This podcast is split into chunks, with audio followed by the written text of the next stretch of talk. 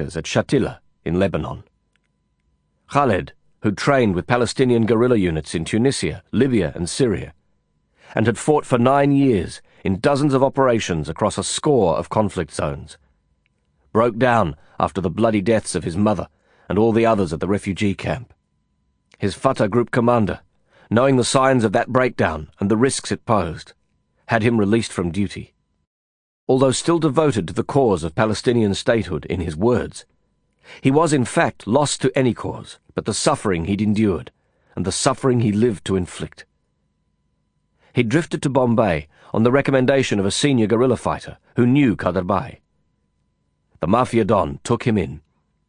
Impressed with his education, language skills, and obsessive dedication, the permanent members of Kaderbhai's council had rewarded the young Palestinian with successive promotions. Three years after Shatila, at the time that I met him, Khaled Ansari was in charge of Kaderbhai's black market currency operation. The position carried with it a place on the council.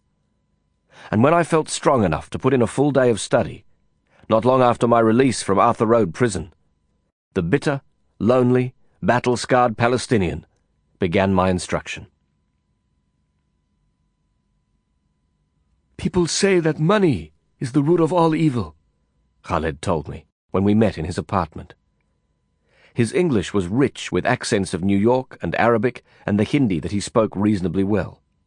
But it's not true. It's the other way round. Money isn't the root of all evil. Evil is the root of all money. There's no such thing as clean money. All the money in the world is dirty, in some way, because there's no clean way to make it. If you get paid in money, somebody, somewhere, is suffering for it. That's one of the reasons, I think, why just about everybody, even people who'd never break the law in any other way, is happy to add an extra buck or two to their money on the black market. You make your living from it, I said, curious to know how he would respond. So? So, how do you feel about it? I don't feel anything about it one way or the other. Suffering is the truth. Not suffering is the lie. I told you that once before. That's just the way the world is. But surely some money has more suffering attached to it, I persisted, and some money has less. Money only comes in two kinds, Lin. Yours and mine. Or, in this case, Kader's money. Khaled laughed. It was a short, sad laugh, and the only one that was left in him. We make money for Abdelkader, true. But a part of everything we make is ours. And it's the little part of everything that belongs to us that keeps us in the game, nah? Okay, let's get started. Why do black markets for money exist? I'm not sure what you mean. I'll ask it in a different way. Khaled smiled. The thick scar that started at his throat, below the left ear, and cut a groove in his face all the way to the corner of his mouth, gave the smile a lopsided and unsettling twist.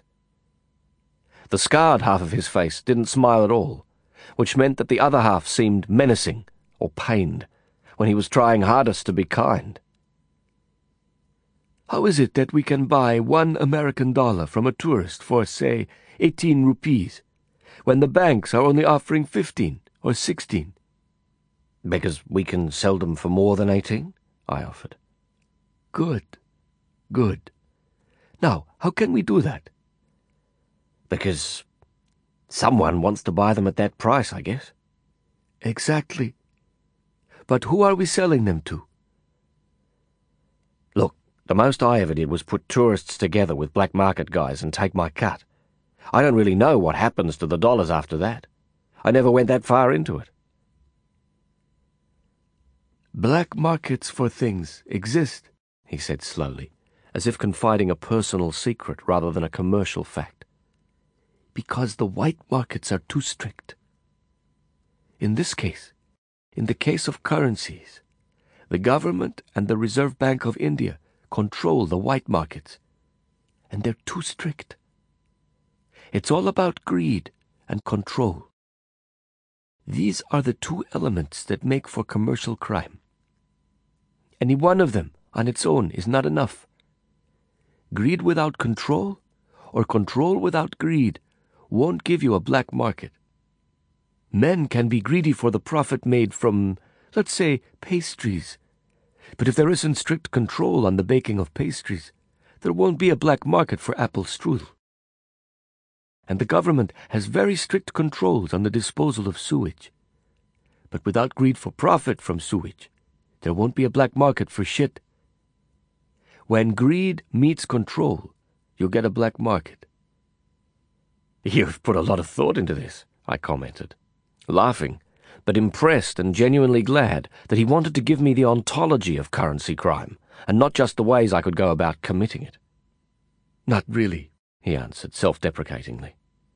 No, I'm serious. When Kader Bhai sent me here, I thought you were going to give me a few tables of figures, you know, today's currency exchange rates and all that, and then send me on my way. Oh, we'll get to the rates and stuff soon enough, he smiled again, sounding very American in the light-hearted aside. I knew he'd studied in New York when he was much younger. Kader Bhai had told me that he'd been happy there for a time. A little of that happiness seemed to have survived in the long rounded vowels and other Americanisms of his speech. But first you need the theory, before you can make a profit from the practice. The Indian rupee, Khaled explained, was a restricted currency. It couldn't be taken out of India, and it couldn't legally be changed for dollars anywhere in the world but in India. With its vast population, India sent many thousands of businessmen, businesswomen, and travellers out of the country every day. Those people were permitted to take out only a limited amount of American currency with them. They could change a fixed amount of their rupees into American dollars, and the rest had to be converted in the form of travellers' checks. The regulation was enforced in various ways. When someone wanted to leave the country and change rupees into dollars to the legal limit, he or she had to present a passport and plane ticket at the bank. The bank teller confirmed the departure date on the ticket and marked both the ticket and the passport to indicate that the holder had been granted the full limit of American dollars in exchange for rupees. The transaction couldn't be duplicated. There was no legal way for the traveller to buy more American dollars for that journey. Almost everyone in India had at least some black money under the bed. From the few hundred rupees that a working man earned and didn't report to the tax office, all the way to the billions of rupees accumulated as profits from crime, the black economy was said to be almost half as large as the legal white economy. Anyone who had thousands or hundreds of thousands of undeclared rupees, as many Indian business travellers did, couldn't buy legal travellers' checks with them. The bank or the tax office always wanted to know where the money came from. So the only real alternative was to buy dollars from the black market currency dealers. And every day in Bombay, millions of rupees worth of black American dollars, English pounds, Deutschmarks, Swiss francs, and other currencies were bought and sold in a trade that was a dark mirror of the legal money exchanges. I buy a thousand American dollars from a tourist for 18,000 rupees when the bank exchange rate is set at 15, Khaled summarized. He's happy because he's 3,000 rupees better off than he would have been at the bank. Then I sell the dollars to an Indian businessman for 21,000 rupees. He's happy because he bought the dollars with black money that he couldn't declare. Then I put 3,000 rupees in the kitty, and I buy another thousand dollars from another tourist for 18,000. That's the simple equation at the heart of the currency racket. To find the tourists and entice them to change their money, Kader Bhai's Mafia Council employed a small army of touts, guides, beggars, hotel managers, bellboys, restaurateurs, waiters, shopkeepers, airline officials, travel agents, nightclub owners, prostitutes, and cab drivers. Keeping tabs on them was one of Khaled's jobs. In the mornings, he phoned all the businesses to establish exchange rates for all the important currencies. There were update calls every two hours throughout the day, advising of any fluctuations in the rate. A taxi was at his disposal around the clock, with two drivers operating in shifts. Every morning he visited the bagman for each area and handed over bundles of rupees for the street traders to use as their float. Touts and other street level crooks dealt with the street traders, guiding tourists and businessmen to them. The traders changed money and kept the foreign currencies in bundles to be collected. Bagmen did the rounds of traders throughout the day, supplying them with cash as they needed it. Collectors made several sweeps during each working day and night to pick up bundles of foreign currency. Khaled supervised personal collections and exchanges at hotels, airline offices, travel agencies, and other businesses that required a greater degree of discretion. He made two major pickups from his collectors in the key areas, one at noon and one in the late evening. Relevant cops in every area were paid to look away from anything that might offend their sensibilities. In return, Kaderbhai promised that any violence he deemed necessary in the event that someone tried to rob his men or hold out on them, would be swift and sure, and would never involve the police or threaten their interests in any way. The responsibility for maintaining discipline and enforcing Kader's control fell to Abdullah Taheri. His team of Indian Goondas and Iranian veterans of the war with Iraq ensured that irregularities were rare and ruthlessly punished. You'll work with me on the collections, Khaled announced. You'll learn it all in time. But I really want you to concentrate on the tricky ones. The five-star hotels and the airline offices. The shirt and tie jobs. I'll go with you, especially at the start. But I think it'll be good if a gora, a well-dressed white foreigner, does the handovers in those places. You'll be invisible. They won't look at you twice and our contacts will be a lot less edgy dealing with you. After that, I want you to get into the travel business. I can use a gora there too. The travel business? Oh, you're going to love it, he said, meeting my eyes with that same sad smile. It'll make that stint you did in Arthur Road seem worth it, because it's first class all the way. The travel racket, he explained was an especially lucrative part of the currency trade. It involved large numbers of people from the millions of Indians who worked in Saudi Arabia, Dubai, Abu Dhabi, Muscat, Bahrain, Kuwait, and elsewhere throughout the Arab Gulf. The Indian workers, employed on contracts for three, six, or twelve months as domestics, cleaners, and labourers, were usually paid in foreign currency. Most of the workers tried to exchange their wages on the black market as soon as they got back to India, in order to gain a few extra rupees. Kader's Mafia Council offered the employers and the workers a shortcut. When they sold their foreign currencies in bulk to Kaderbhai, the Arab employers received a slightly more favourable rate, allowing them to pay their workers in rupees at the black market rate in India. That left them with a surplus of rupees and gave them a net profit from paying their workers. For many Gulf state employers, the temptation to such currency crime was irresistible. They too had caches of undeclared, untaxed money under their opulent beds. Syndicates developed to organize the payment of Indian guest workers in rupees when they returned to India.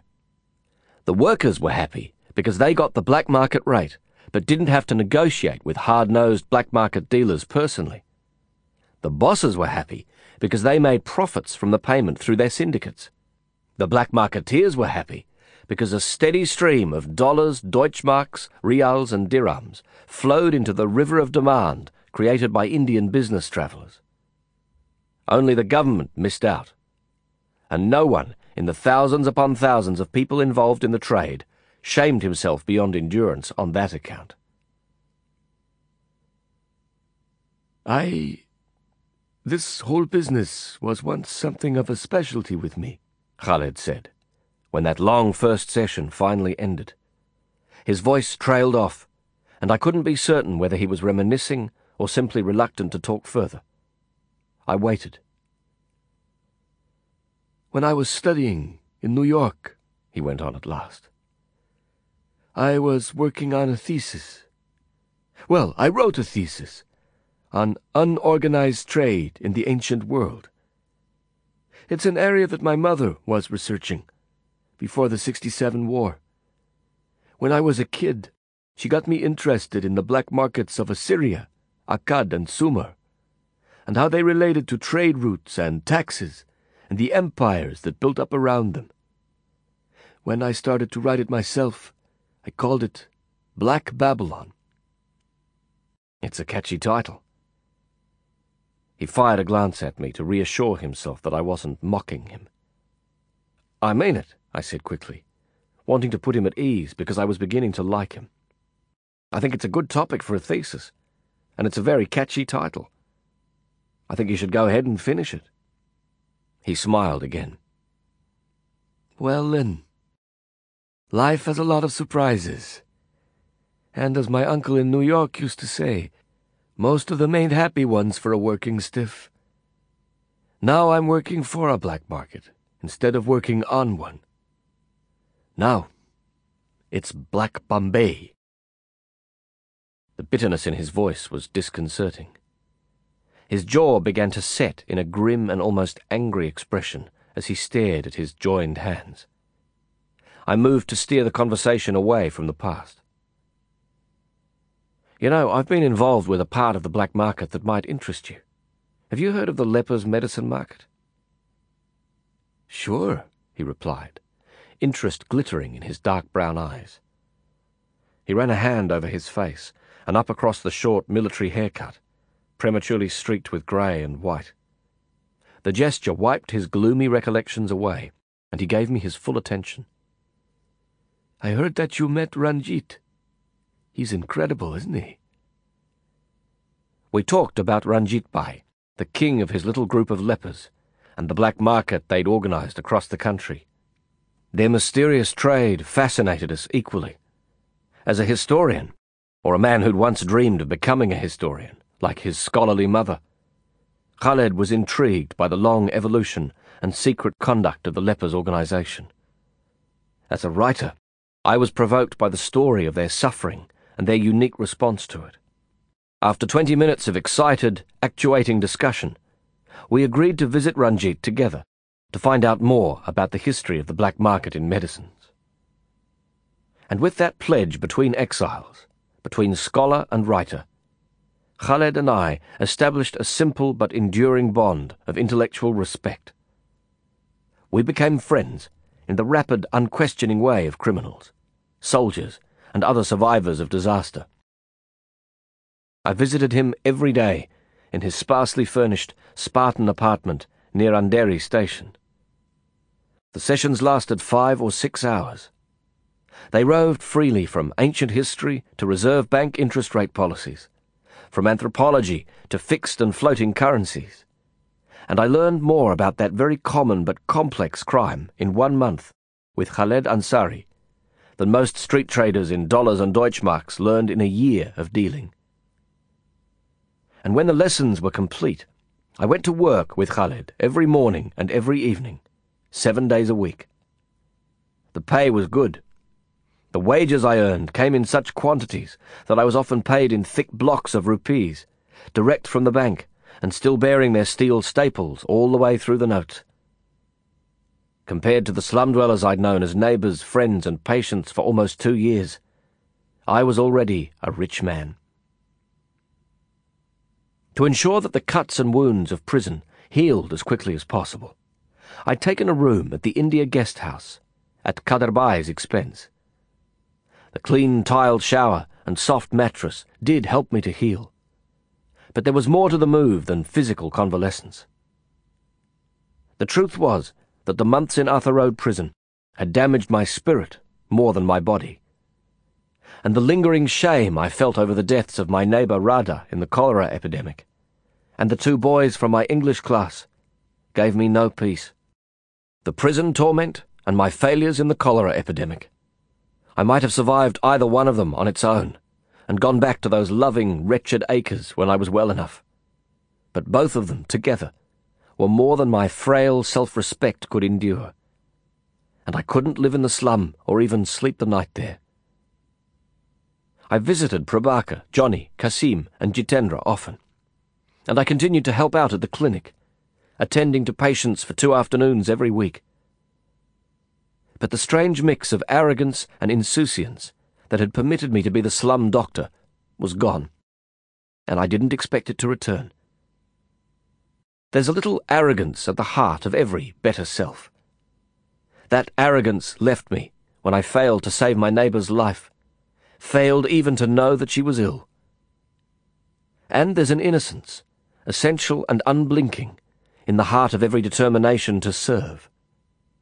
That innocence faltered when I stumbled from the Indian prison.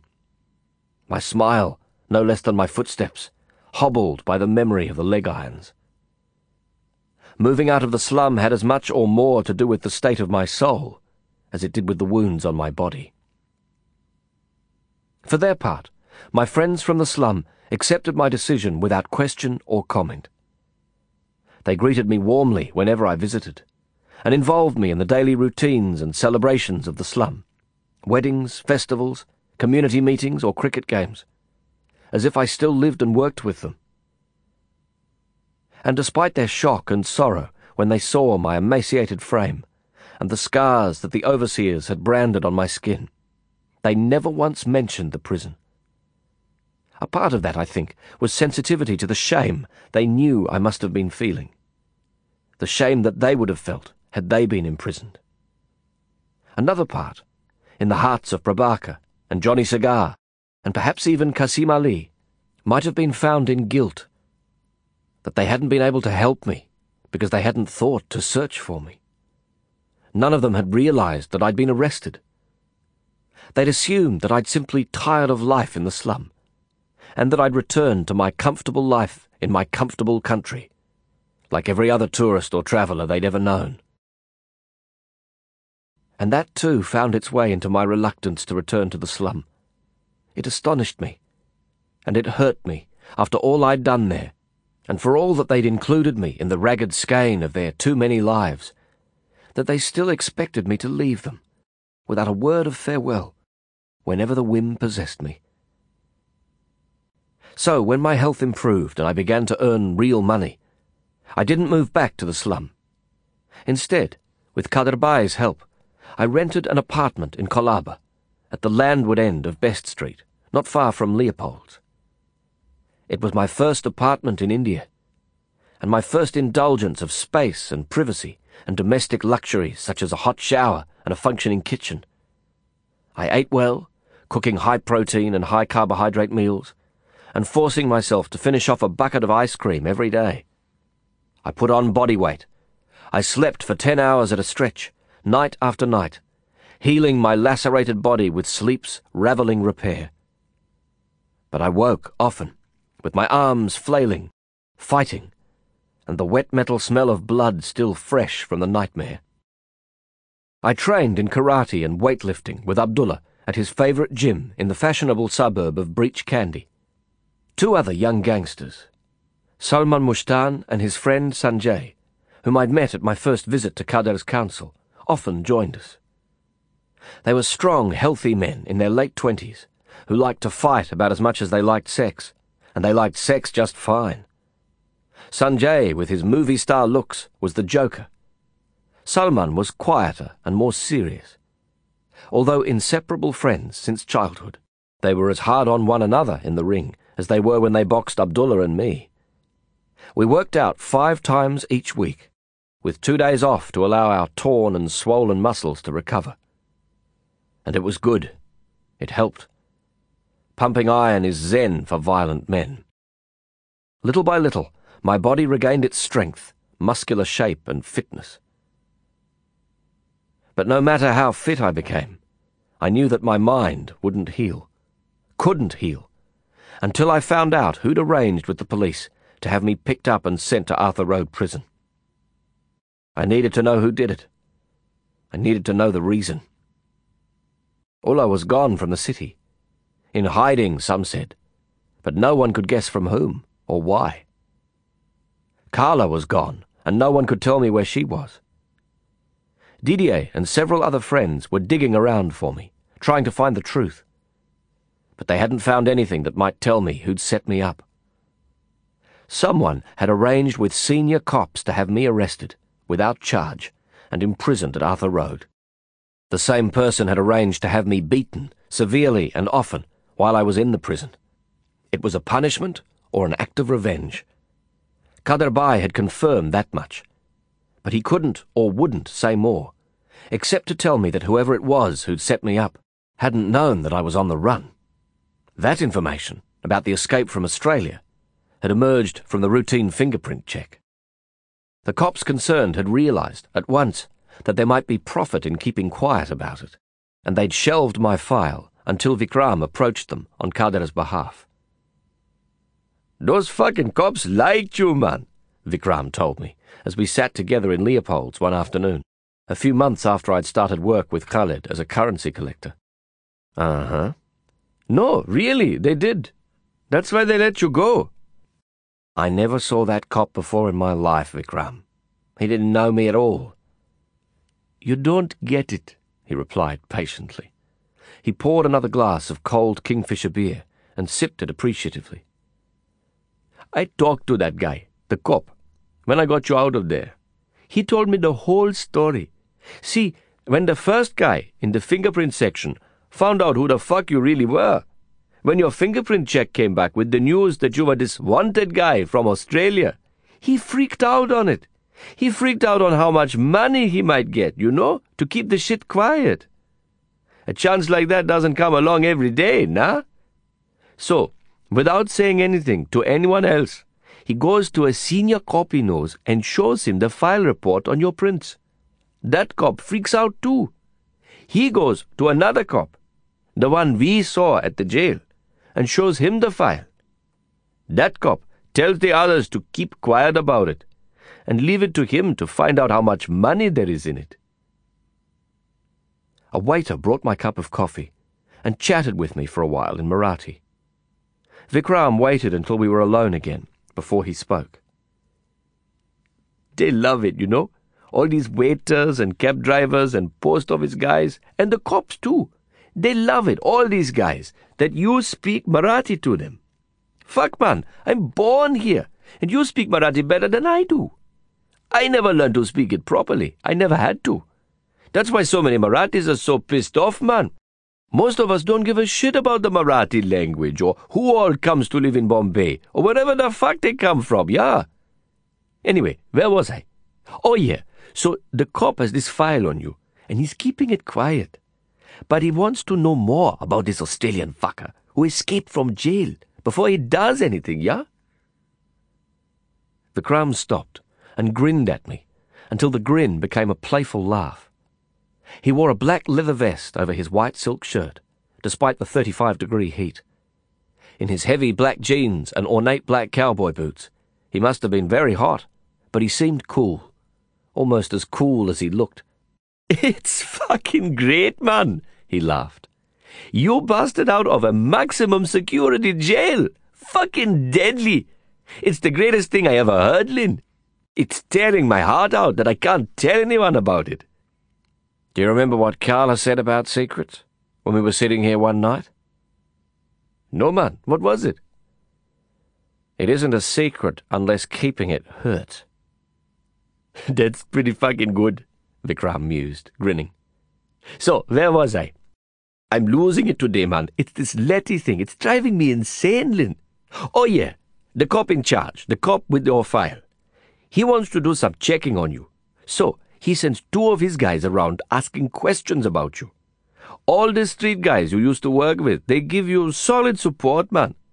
They say you never cheated anyone, never fucked anybody over, and you put a lot of money around with the poor street guys when you had it.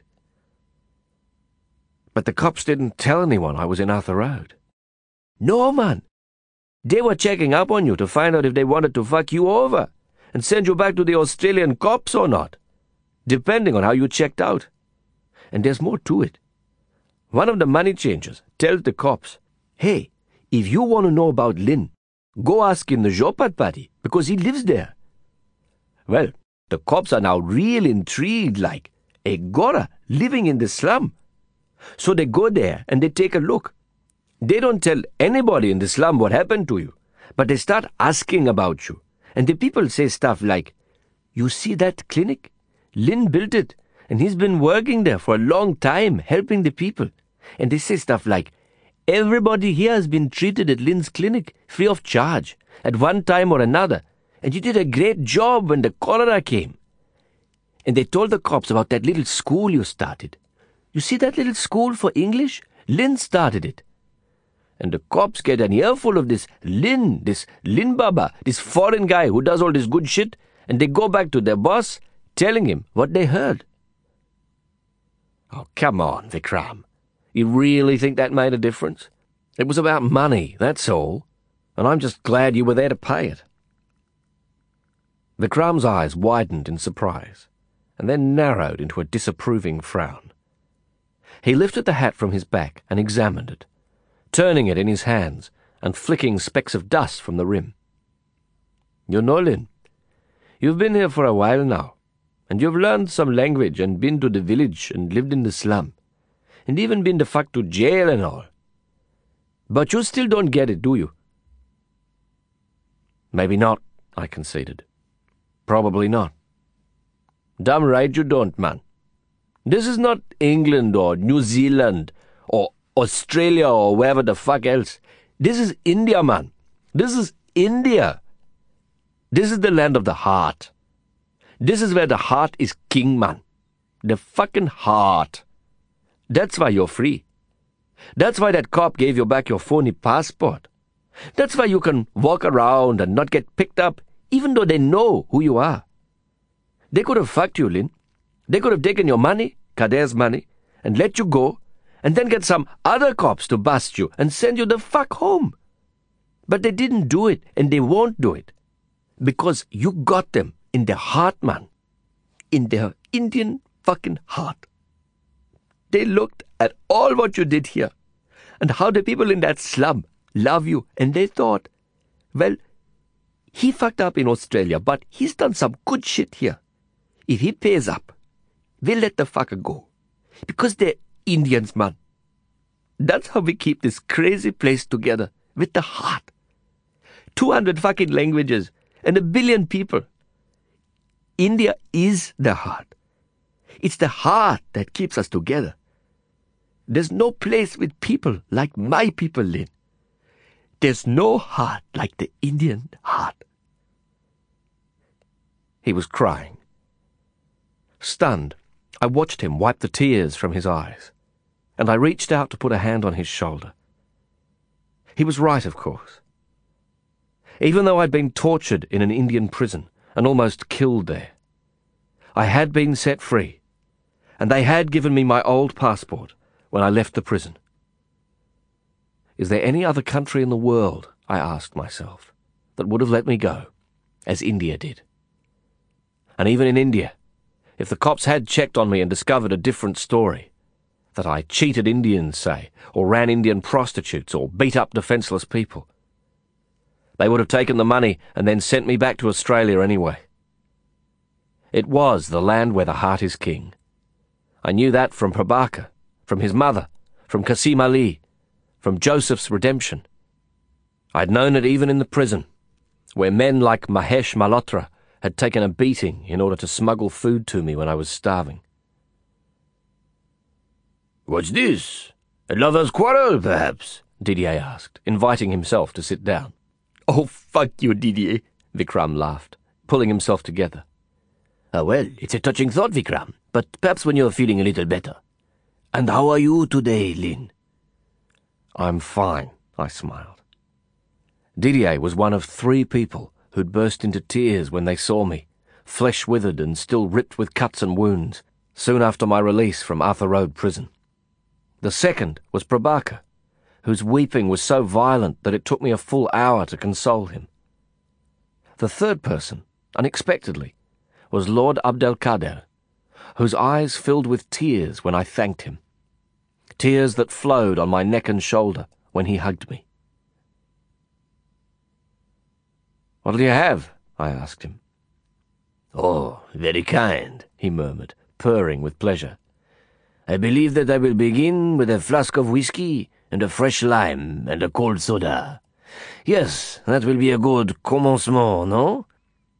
It is very strange and a very unhappy business, don't you think? This news about Indira Gandhi. What news? Vikram asked. They are saying on the news just now that Indira Gandhi is dead. Is it true? I asked. I fear that it is, he sighed, suddenly and uncharacteristically solemn. The reports are not confirmed, but I think there is no doubt. Was it the Sikhs? Was it because of Blue Star? Yes, Lin. How did you know? When she stormed the Golden Temple to get Bhindranwale, I had a feeling it was going to catch up with her. What happened? Did the care left to it? Vikram asked. Was it a bomb? No, Didier answered gravely. They say it was her bodyguard. Her Sikh bodyguard. Her own bodyguard, for fuck's sake, Vikram gasped. His mouth gaped open, and his gaze drifted on the tide of his thoughts. Guys, I'll be back in a minute. Do you hear that? They're talking about the story right now on the radio at the counter. I'll go and listen and come back. He jogged to the crowded counter, where fifteen or twenty men pressed together, arms around shoulders to listen, while an almost hysterical announcer gave details of the murder in Hindi. Vikram could have listened to the broadcast from his seat at our table. The volume was switched up to the maximum, and we heard every word. It was something else that drew him to that crowded counter. A sense of solidarity and kinship. A huddled need to feel the astounding news through contact with his countrymen, even as he listened to it. Let's have that drink, I suggested.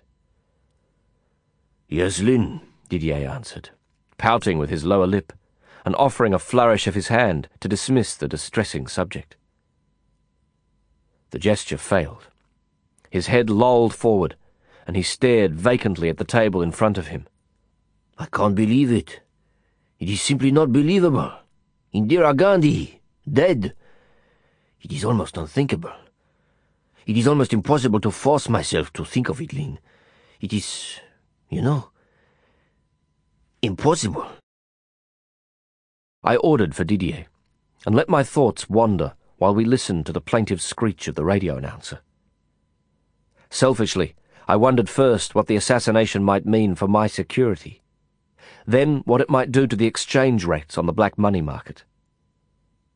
Some months before, Indira Gandhi had authorized an assault on the Sikh Holy of Holies, the Golden Temple in Amritsar. Her goal was to drive out a large, well-armed company of Sikh militants who'd entered the temple and fortified themselves there under the leadership of a handsome, charismatic separatist named Bhindranwale. Using the temple complex as a base, the militants had launched punitive attacks against Hindus, and those they described as recalcitrant Sikhs, for many weeks. Indira Gandhi, on the eve of a fiercely contested general election, had been deeply concerned that she would appear weak and indecisive if she failed to act. In what many judged to be the worst of her admittedly limited options, Indira had sent the army into battle with the Sikh rebels. The army operation to dislodge the militants from the Golden Temple was known as Operation Blue Star. Bhindranwale's militants, believing themselves to be freedom fighters and martyrs for the Sikh cause, met the army force with reckless and desperate resistance. More than 600 lives were lost, and many hundreds of people were injured. In the end, the Golden Temple complex was cleared, and Indira emerged as anything but indecisive or weak. Her goal of reassuring the Hindu heartland of voters had been achieved. But the Sikh struggle for a separate homeland, called Khalistan, was rich in new martyrs. And across the world, Sikh hearts clenched around their determination to avenge the profane and bloody invasion of their holiest shrine. The radio at the counter gave us no other details, but the message wailed from the speaker that she'd been murdered only a few months after Blue Star, Indira's own Sikh bodyguards had killed her. The woman who'd been reviled as a despot by some adored as the mother of the country by many others, and so closely identified with the nation as to be indistinguishable from its past and from its destiny, was gone. She was dead. I had to think. I had to calculate the danger. Security forces across the country would be on special alert. There would be ramifications riots, killings, looting, and burning, as revenge exacted on the Sikh communities for her murder. I knew it, everyone in India knew it. On the radio, the announcer was talking about troop deployments in Delhi and in Punjab, aimed at quelling anticipated disturbances. The tension would bring new dangers for me, a wanted man, working for the mafia, and living in the country with an expired visa.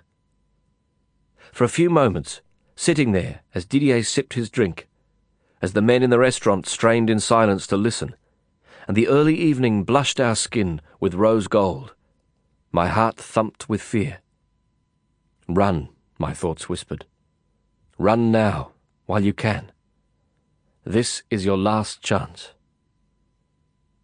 But even then, as I formed the clear thought to flee the city, I felt myself relaxing into a dense, fatalistic calm. I wouldn't leave Bombay. I couldn't leave Bombay. I knew that as surely as I'd ever known anything in my life. There was the issue of Kader. My financial debt to him had been repaid from the wages I'd made in his service with Khaled. But there was a moral debt that was harder to repay. I owed him my life, and we both knew it. He'd hugged me when I came out of the prison, and crying at my pitiful state, he'd promised me that for so long as I remained in Bombay, I would be under his personal protection. Nothing like Arthur Road would ever happen to me again. He'd given me a gold medal featuring the Hindu Om symbol, joined to a Muslim crescent and star, which I wore on a silver chain around my neck. Kader Bhai's name was inscribed on the back in Urdu, Hindi, and English.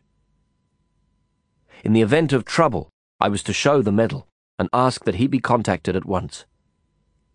That security was imperfect, but it was better than anything I'd known since my exile had begun. His request for me to stay in his service, the unspoken debt that I owed him, and the safety that being Kader's man offered. All those elements held me in the city.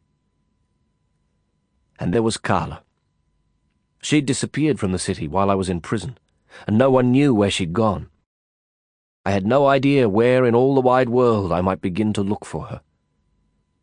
But she loved Bombay. I knew that. It seemed reasonable to hope she might return. And I loved her. It grieved me, an emotion that was, in those months, even stronger than my love for her, that she must be thinking I'd abandoned her that I got what I wanted when we made love and then dumped her. I couldn't move on without seeing her again and explaining what had happened that night. So I stayed there, in the city, a minute's walk from the corner where we'd met, and I waited for her to return. I glanced around the subdued, listening restaurant and caught Vikram's eye. He smiled at me and wagged his head. It was a heartbroken smile, and his eyes were inflamed with unshed tears. Still, he smiled to comfort me, to reassure me, to include me in his bewildered grieving. And with that smile, I suddenly knew that there was something else holding me there. In the end, I realized that it was the heart, the Indian heart that Vikram had talked about, the land where heart is king, that held me when so many intuitions told me I should leave and the heart, for me, was the city. Bombay. The city had seduced me. I was in love with her. There was a part of me that she invented, and that only existed because I lived there, within her, as a Mumbaikar, a Bombayite. It's a fucking bad business, yar, Vikram muttered as he rejoined us. There's going to be a lot of blood spilled over this, yeah? On the radio, they're saying that Congress Party gangs are roaming in Delhi, going from house to house and spoiling for a fight with the Sikhs. We were silent, all three of us, lost in our own speculations and worry. Then Didier spoke. I think I have a lead for you, he said softly, wrenching us into the moment once more.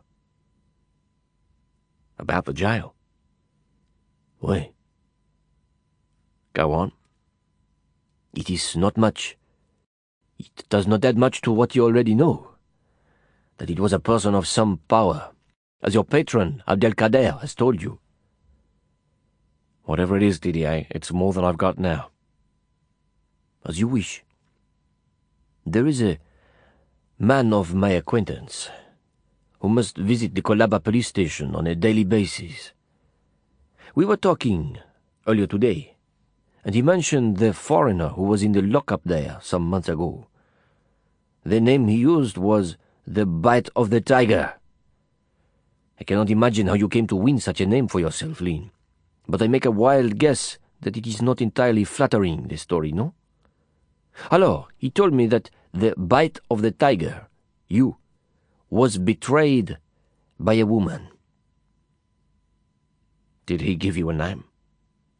No. I asked him, and he said that he did not know who she is. He did say that she is young and very beautiful, but he may have invented those last details. How reliable is this man of your acquaintance?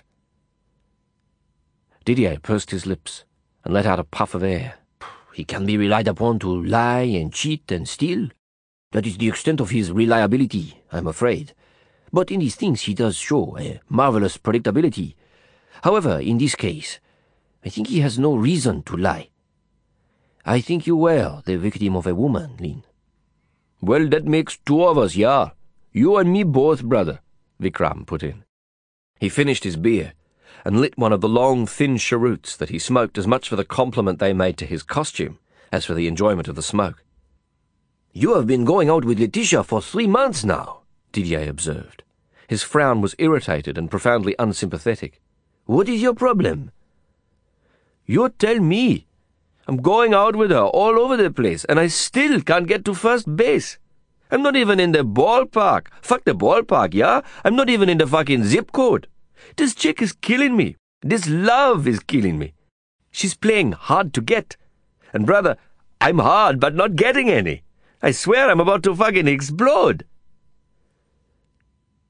You know, Vikram, Didier said, his eyes shining once more with shrewdness and good humor. I have a strategy that just might work for you. Didier, man, I'll try anything. The way things are, with this Indira thing and all, I gotta grab any chance while I can.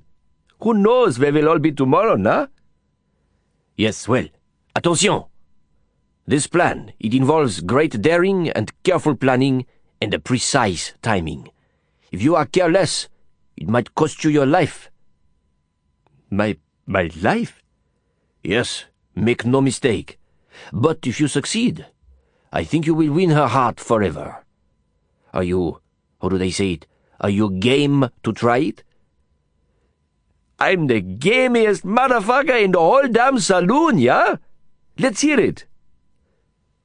I might take this as my cue to leave before you guys get too deep into this, I interrupted, standing and shaking hands with both men. Thanks for the tip, Didier. I appreciate it. And a tip for you, Vikram. Whatever you plan to try with Letty, you can start by losing the phrase hot titty English chick. Every time you call her that, she winces like you just strangled a baby rabbit. You really think so? he asked, frowning his puzzlement. Yes. But it's one of my best lines, yeah. In Denmark. You're not in Denmark anymore, Toto. Okay, Lin, he conceded, laughing. Listen, when you find out what went down with the jail thing, I mean, who the motherfucker was who put you in there and all. Well, if you need a hand, count me in, okay? Sure, I said, enjoying the good eye contact. Take it easy. I paid the bill and left, walking along the causeway to Regal Cinema roundabout. It was early evening, one of the three best times of day in Bombay City.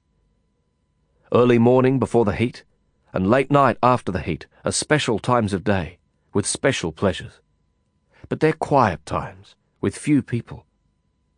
Evening brings the people to their windows, balconies, and doorways. Evening fills the streets with strolling crowds. Evening is an indigo tent for the circus of the city, and families bring children to the entertainments that inspire every corner and crossroad. And evening is a chaperone for young lovers. The last hour of light before the night comes to steal the innocence from their slow promenades there's no time in the day or night when there are more people on the streets of Bombay than there are in the evening. And no light loves the human face quite so much as the evening light in my Mumbai. I walked through the evening crowds, loving the faces, loving the perfumes of skin and hair, loving the colours of clothes and the cadences of words that surrounded me. Yet I was alone too much alone with my love of evening in the city. And all the while a black shark slowly circled in the sea of my thoughts. A black shark of doubt and anger and suspicion. A woman betrayed me. A woman.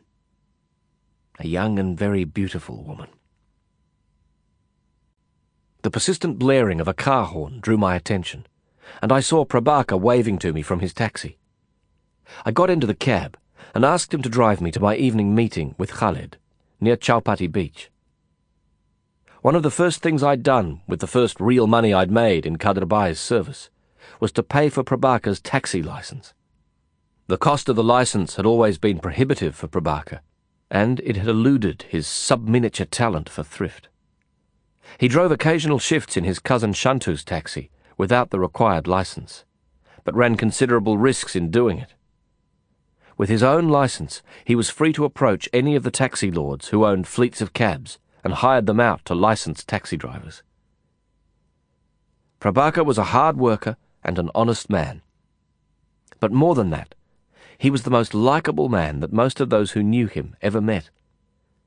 Even the hard-nosed taxi lords weren't immune to his sanguine charm. Within a month, he had a semi-permanent lease on a taxi, which he cared for as if it was his own. On the dashboard, he'd installed a plastic shrine to Lakshmi, the goddess of wealth. The gold, pink, and green plastic figure of the goddess blazed an alarmingly fierce expression through the bulbs in her red eyes whenever he hit the brakes of the car.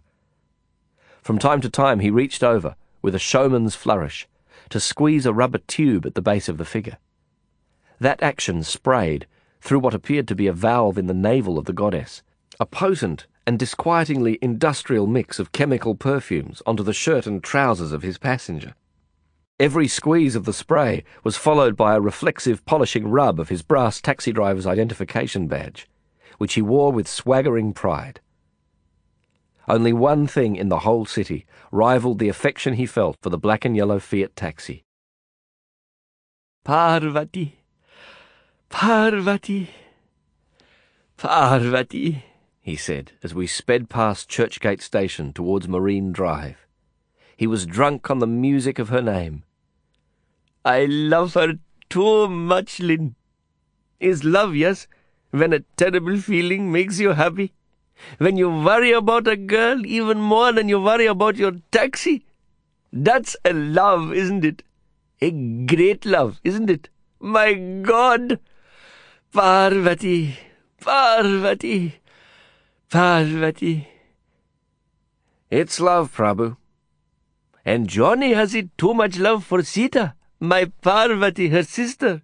Too much love. I'm happy for you. And for Johnny.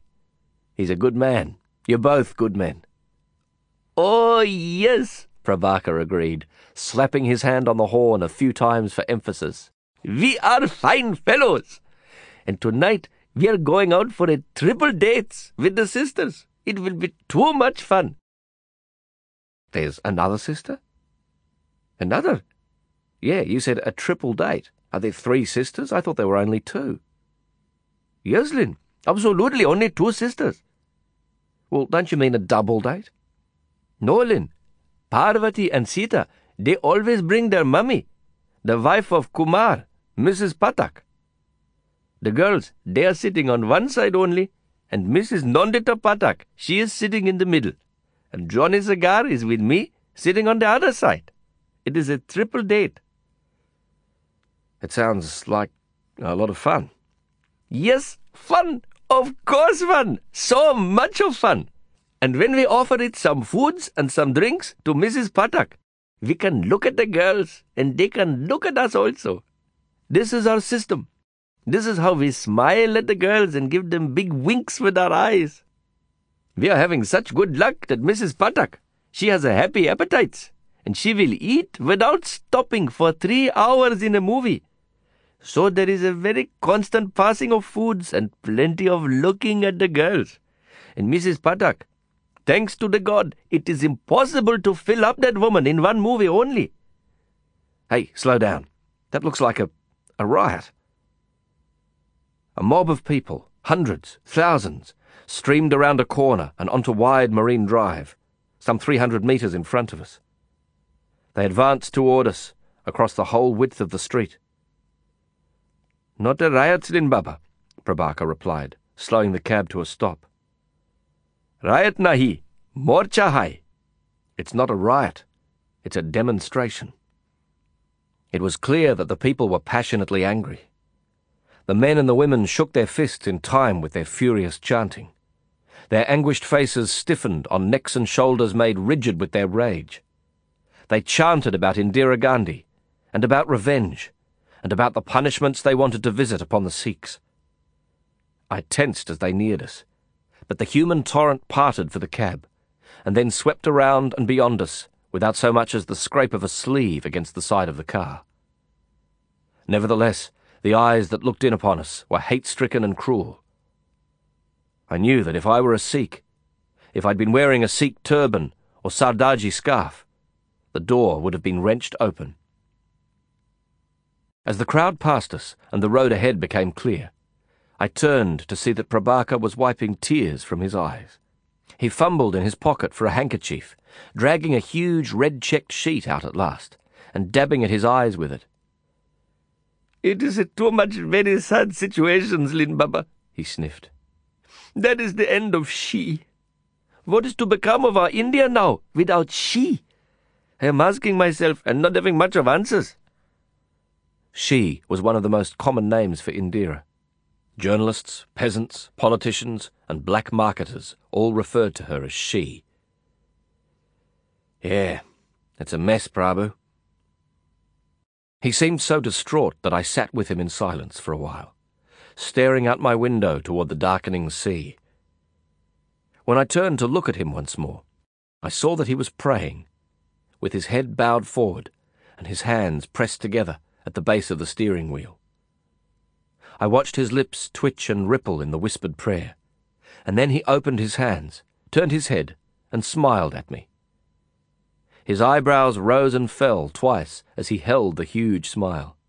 Solin, how is about some sexy perfumes on your good self? he asked, reaching across to press the bulb beneath the plastic Lakshmi goddess on the dashboard of his cab. No! I shrieked, trying to stop him. Too late.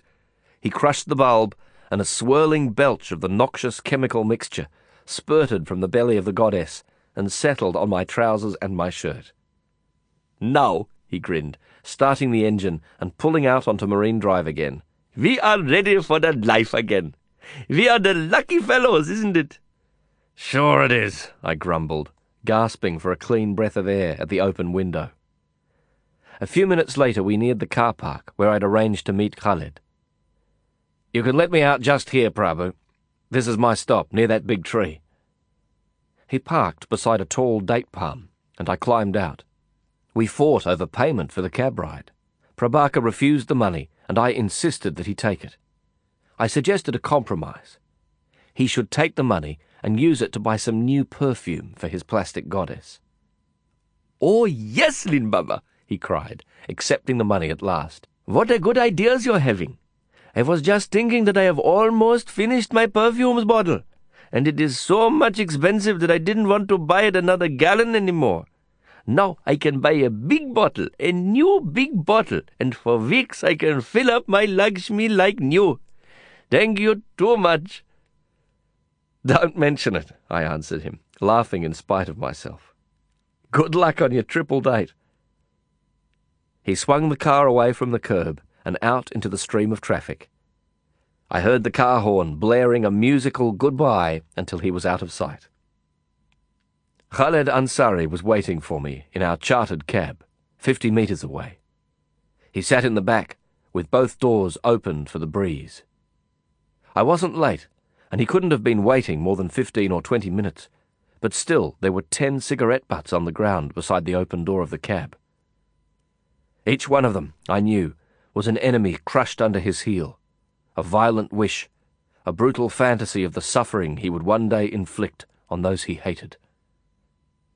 And they were many, the ones he hated. Too many. The images of violence that filled his mind were so real, he'd told me, that sometimes he was nauseous with it. The anger was an ache in his bones. The hatred locked his jaws and made him grind his teeth on the fury.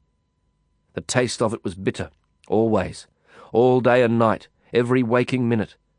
As bitter as the taste of the blackened knife he'd clamped between his teeth as a Fatah guerrilla, when he'd crawled across broken ground toward his first kill. It's gonna kill you, Khaled, you know. So I smoke too much. So what the fuck? Who wants to live forever? I'm not talking about the cigarettes. I'm talking about what's inside you, making you chain smoke them. I'm talking about what you're doing to yourself by hating the world. Someone told me once that if you make your heart into a weapon, you always end up using it on yourself. You're a fine one to come on with a lecture, brother, he said, and he laughed. The small laugh, the sad laugh. You're not exactly Father fucking Christmas, Lin. You know, Kader told me about Shatila.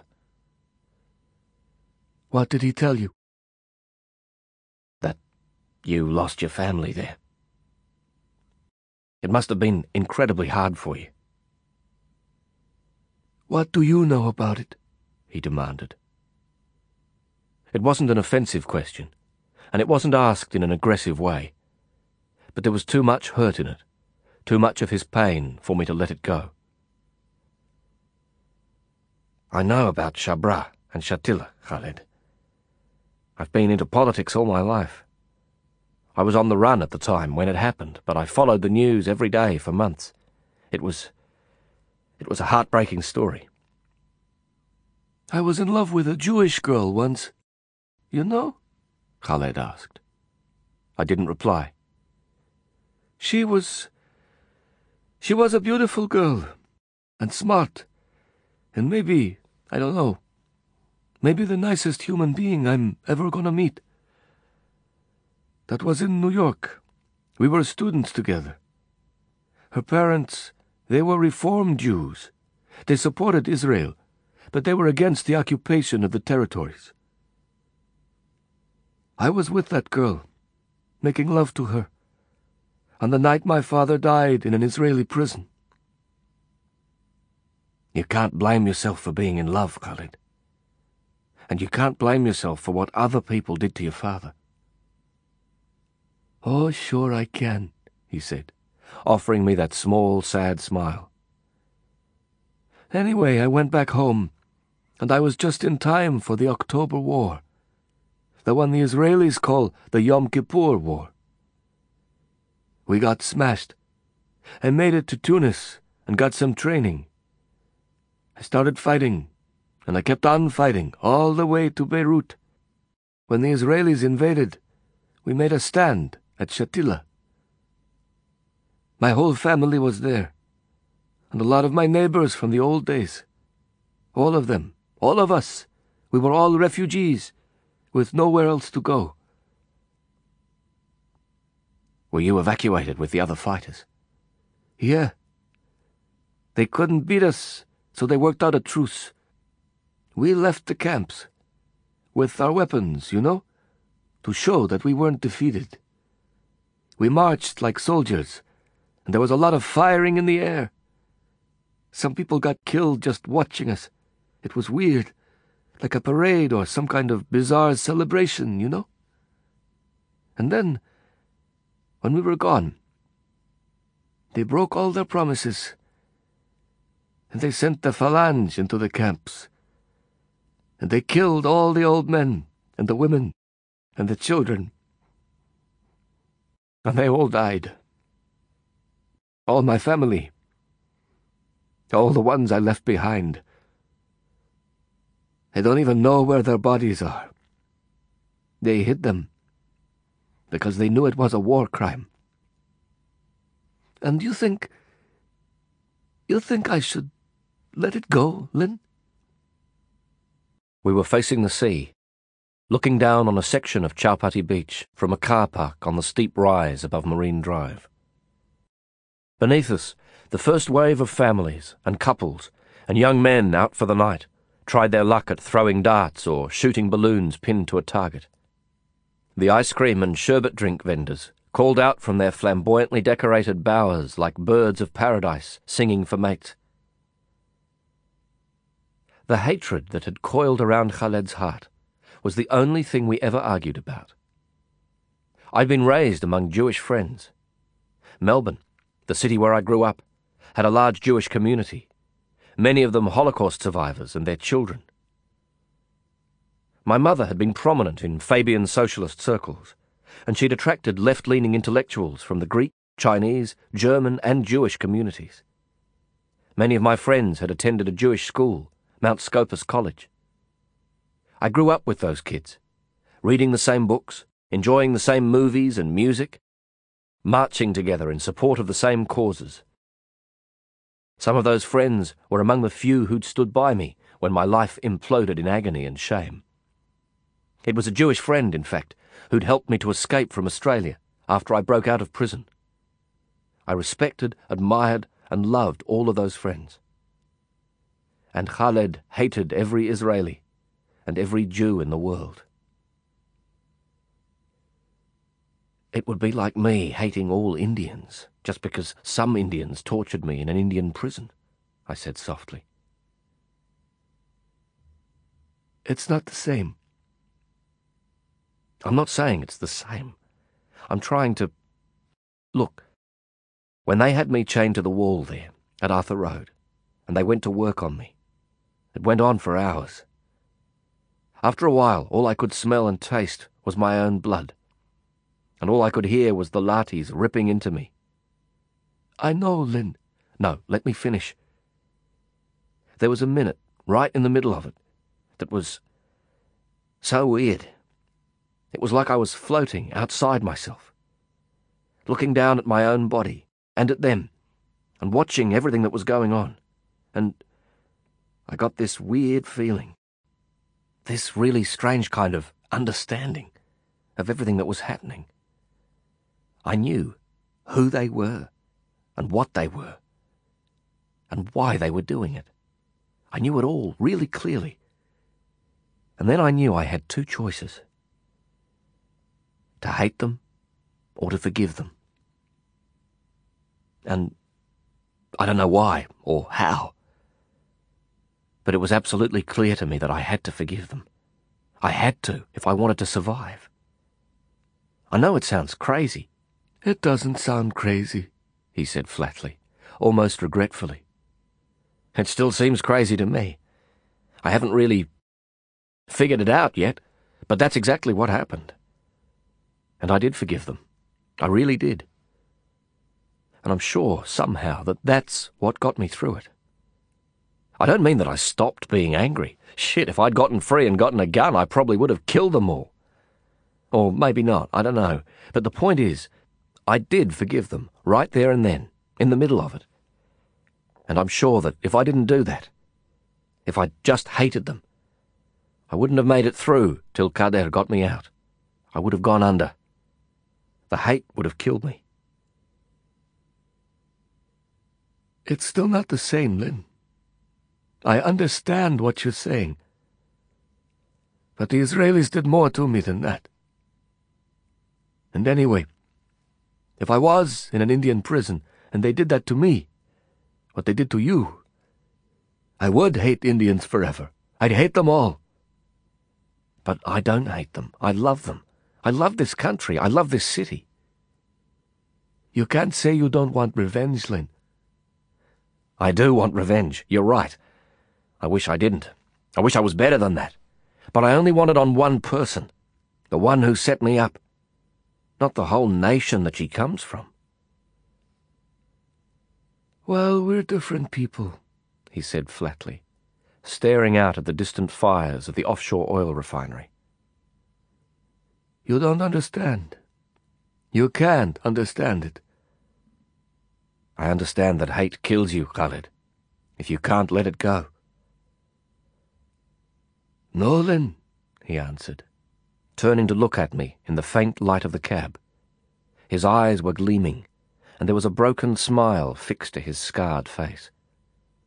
It was something like the expression Vikram wore when he talked about Letty, or like Prabaker's face when he talked about Parvati. It was the kind of expression some men assume when they talk about their experience of God. My hate is what saved me, he said quietly, but with an excited, feverish zeal. Softly rounded American vowels blended with breathy, aspirated Arabic, in a sound, a voice, that was somewhere between Omar Sharif and Nicolas Cage. In another time, another place, another life, Khaled Ansari would have read poetry aloud, in Arabic and English, moving all those who heard him to joy and tears. Hate is a very resilient thing, you know. Hate is a survivor. I had to hide my hate for a long time. People couldn't handle it. They got spooked by it. So I sent my hate outside myself. It's weird that I was a refugee for years. I still am. And my hate was a refugee, just like me. My hate was outside me. My family. They were all killed, raped and butchered.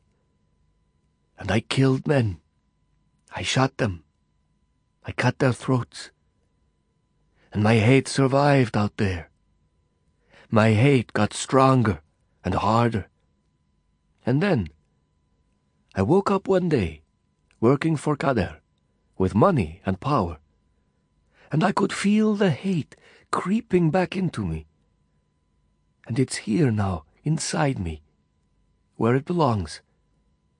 And I'm glad. I enjoy it. I need it, Lin. It's stronger than I am. It's braver than I am. My hate is my hero.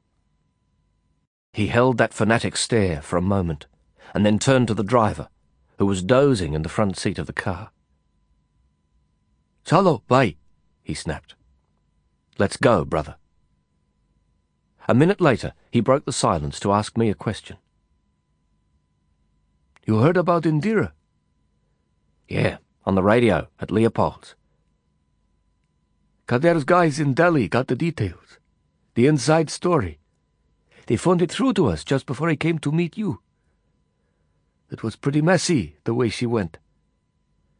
Yeah, I replied, still thinking about Khaled's song of hate.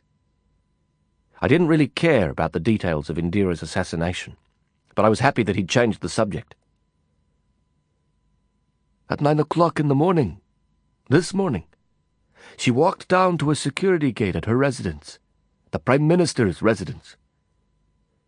She folded her hands together in a greeting, you know? For the two Sikh bodyguards at the gate. She knew those guys. They were only there on duty because she insisted on it. After the Golden Temple, after Blue Star, they advised her not to have Sikhs in her security detail. But she insisted because she couldn't believe that her loyal Sikh bodyguards would turn against her. She just didn't get it. How much hatred she put in them when she ordered the army to attack the Golden Temple. Anyway, she put her hands together in a greeting, and she smiled at them and said the word Namaste. One bodyguard, he pulled out his service revolver. It was a 38, and fired three shots. He got her right in the guts, in the abdomen. She crumpled to the pathway. The second bodyguard turned his Sten gun on her. He emptied the whole magazine, thirty rounds. It's an old gun, the Sten, but it packs a hell of a punch at close range. At least seven bullets got her in the abdomen. Three bullets went into her chest, and one went through her heart. We rode in silence for a while. I was the first to speak. So, how do you think the money market will react? I think it'll be good for business, he replied dispassionately. So long as there's a clear line of succession, as there is here with Rajiv. An assassination is always good for business. But there'll be riots. They're already talking about gangs going after Sikhs. I saw a morcha on my way up here. Yeah, I saw it too, he said, turning to face me. His eyes were dark, almost black, and gleaming with the vehemence of his wilful induration. But even that'll be good for business. The more riots there are, and the more people get killed, the more demand there'll be for dollars. We'll put the rates up tomorrow morning. The roads might be tangled up. If there's morchas or riots, it might not be so easy to get around. I'll pick you up at your place, seven o'clock, and we'll go straight to Rajubhai's, he said, referring to the Mafia's black money counting room in the fort area, and to Raju, the man who ran it. They won't stop me. My car will get through. What are you doing now? Right now, after we finish the collections. Yeah. Have you got some time? Sure, what do you want me to do? Drop me off and keep the cab, he said, resting back against the seat and letting his face and body sag in a sigh of exhaustion or dejection. Do the rounds of the guys. Tell them to make their way to Rajubhai's early tomorrow. Find as many as you can, and let them know. If it gets real bad, we'll need everyone. Okay, I'll get on it. You should get some sleep, Khaled. You look tired. I think I will, he smiled. There won't be much sleep in the next couple of days. He closed his eyes for a moment and allowed his head to loll and roll with the movement of the car. Then he was suddenly awake, sitting upright, and sniffing the air around him. Say, what the fuck is that smell, man? Is that some kind of aftershave or what? I've been gassed with tear gas that smelled better than that. Don't ask, I replied, suppressing a grin through clenched teeth and rubbing at Prabaker's perfume stain on the front of my shirt. Khaled laughed and turned his eyes to the starless dark where night met the sea. Sooner or later, fate puts us together with all the people, one by one, who show us what we could and shouldn't let ourselves become. Sooner or later we meet the drunkard, the waster, the betrayer, the ruthless mind, and the hate-filled heart. But fate loads the dice, of course, because we usually find ourselves loving or pitying almost all of those people and it's impossible to despise someone you honestly pity, and to shun someone you truly love. I sat beside Khaled in the darkness as the taxi took us to the business of crime. I sat beside him in the drift of coloured shadows, loving the honesty and toughness in him, and pitying the hatreds that weakened him and lied to him. And his face, reflected sometimes in the night, that filled the window, was as drenched in destiny and as radiant as the faces found in paintings of doomed and haloed saints. Chapter 23 Wherever you go in the world, in any society, it is always the same when it comes to questions of justice. Lord Abdel Kader Khan, my mafia boss and my surrogate father, told me when I'd been six months in his service. We concentrate our laws, investigations, prosecutions and punishments, on how much crime is in the sin, rather than on how much sin is in the crime. We were sitting in the busy, steamy, wondrously aromatic restaurant Sarab in the Sassoon dock area. The Sarab served what many regarded as Bombay's best masala dosas, in a city where 5,000 restaurants vied for the honour. Despite that distinction, or because of it, the Sarab was small and relatively unknown. Its name didn't appear in any of the guidebooks for tourists or the epicure columns in the daily newspapers. It was a workers' restaurant, and it was full from morning until evening with working men and women who cherished it and kept it secret to themselves. Accordingly, the meals were cheap, and the decor was a functional minimum. Nevertheless, the restaurant was spotlessly clean, and the spectacular baroque sails of the crispy dosas, swept to the table by waiters who worked at a run, housed the most delicious mixes of spices that could be found in any dish, anywhere in the city.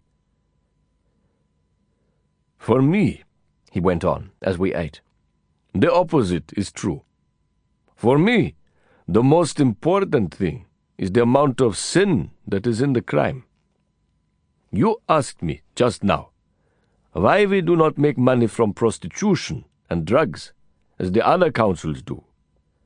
And I tell you, it is because of the sin that is in those crimes. It is for this reason that I will not sell children or women or pornography or drugs.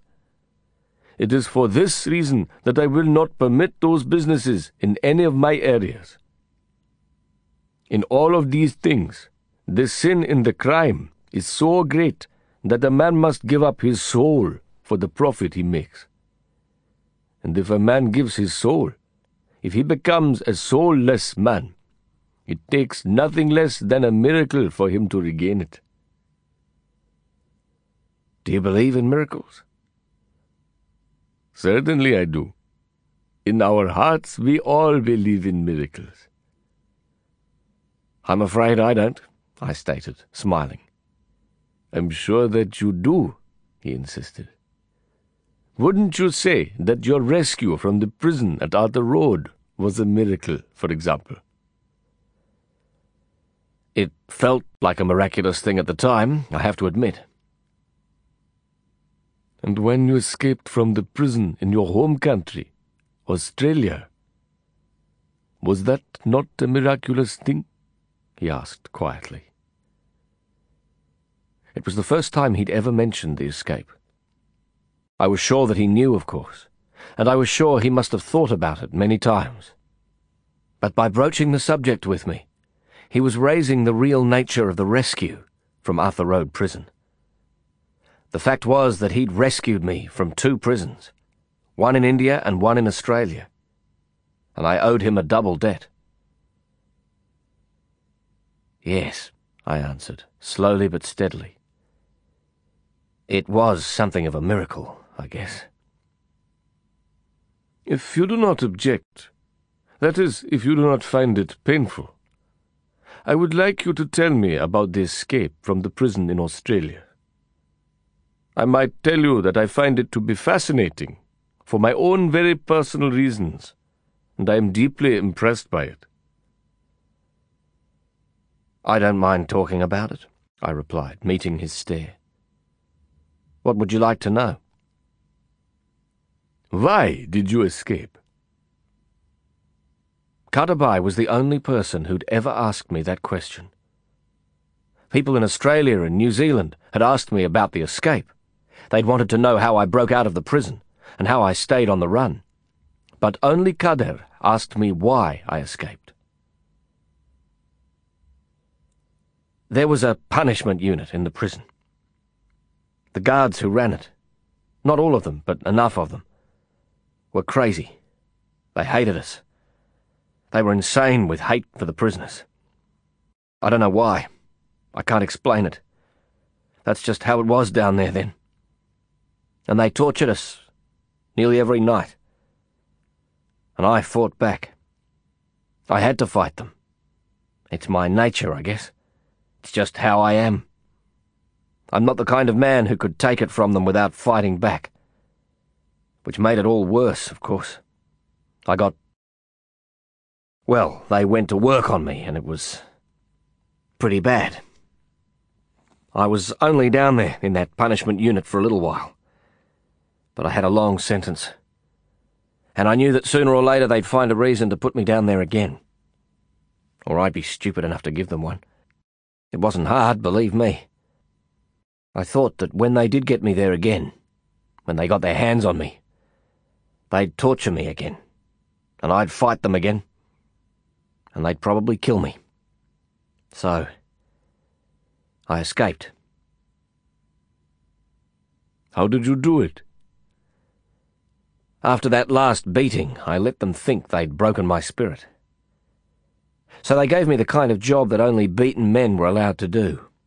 They gave me a job near the front wall of the prison, pushing a wheelbarrow and making repairs. When the time was right, I escaped. He listened as I told him the story. We continued to eat while I talked. Kader never interrupted. He watched me throughout, and the smiling light in his eyes reflected the fire in mine. He seemed to enjoy the telling of the story as much as the tale itself. Who was the other man? The one with you when you escaped?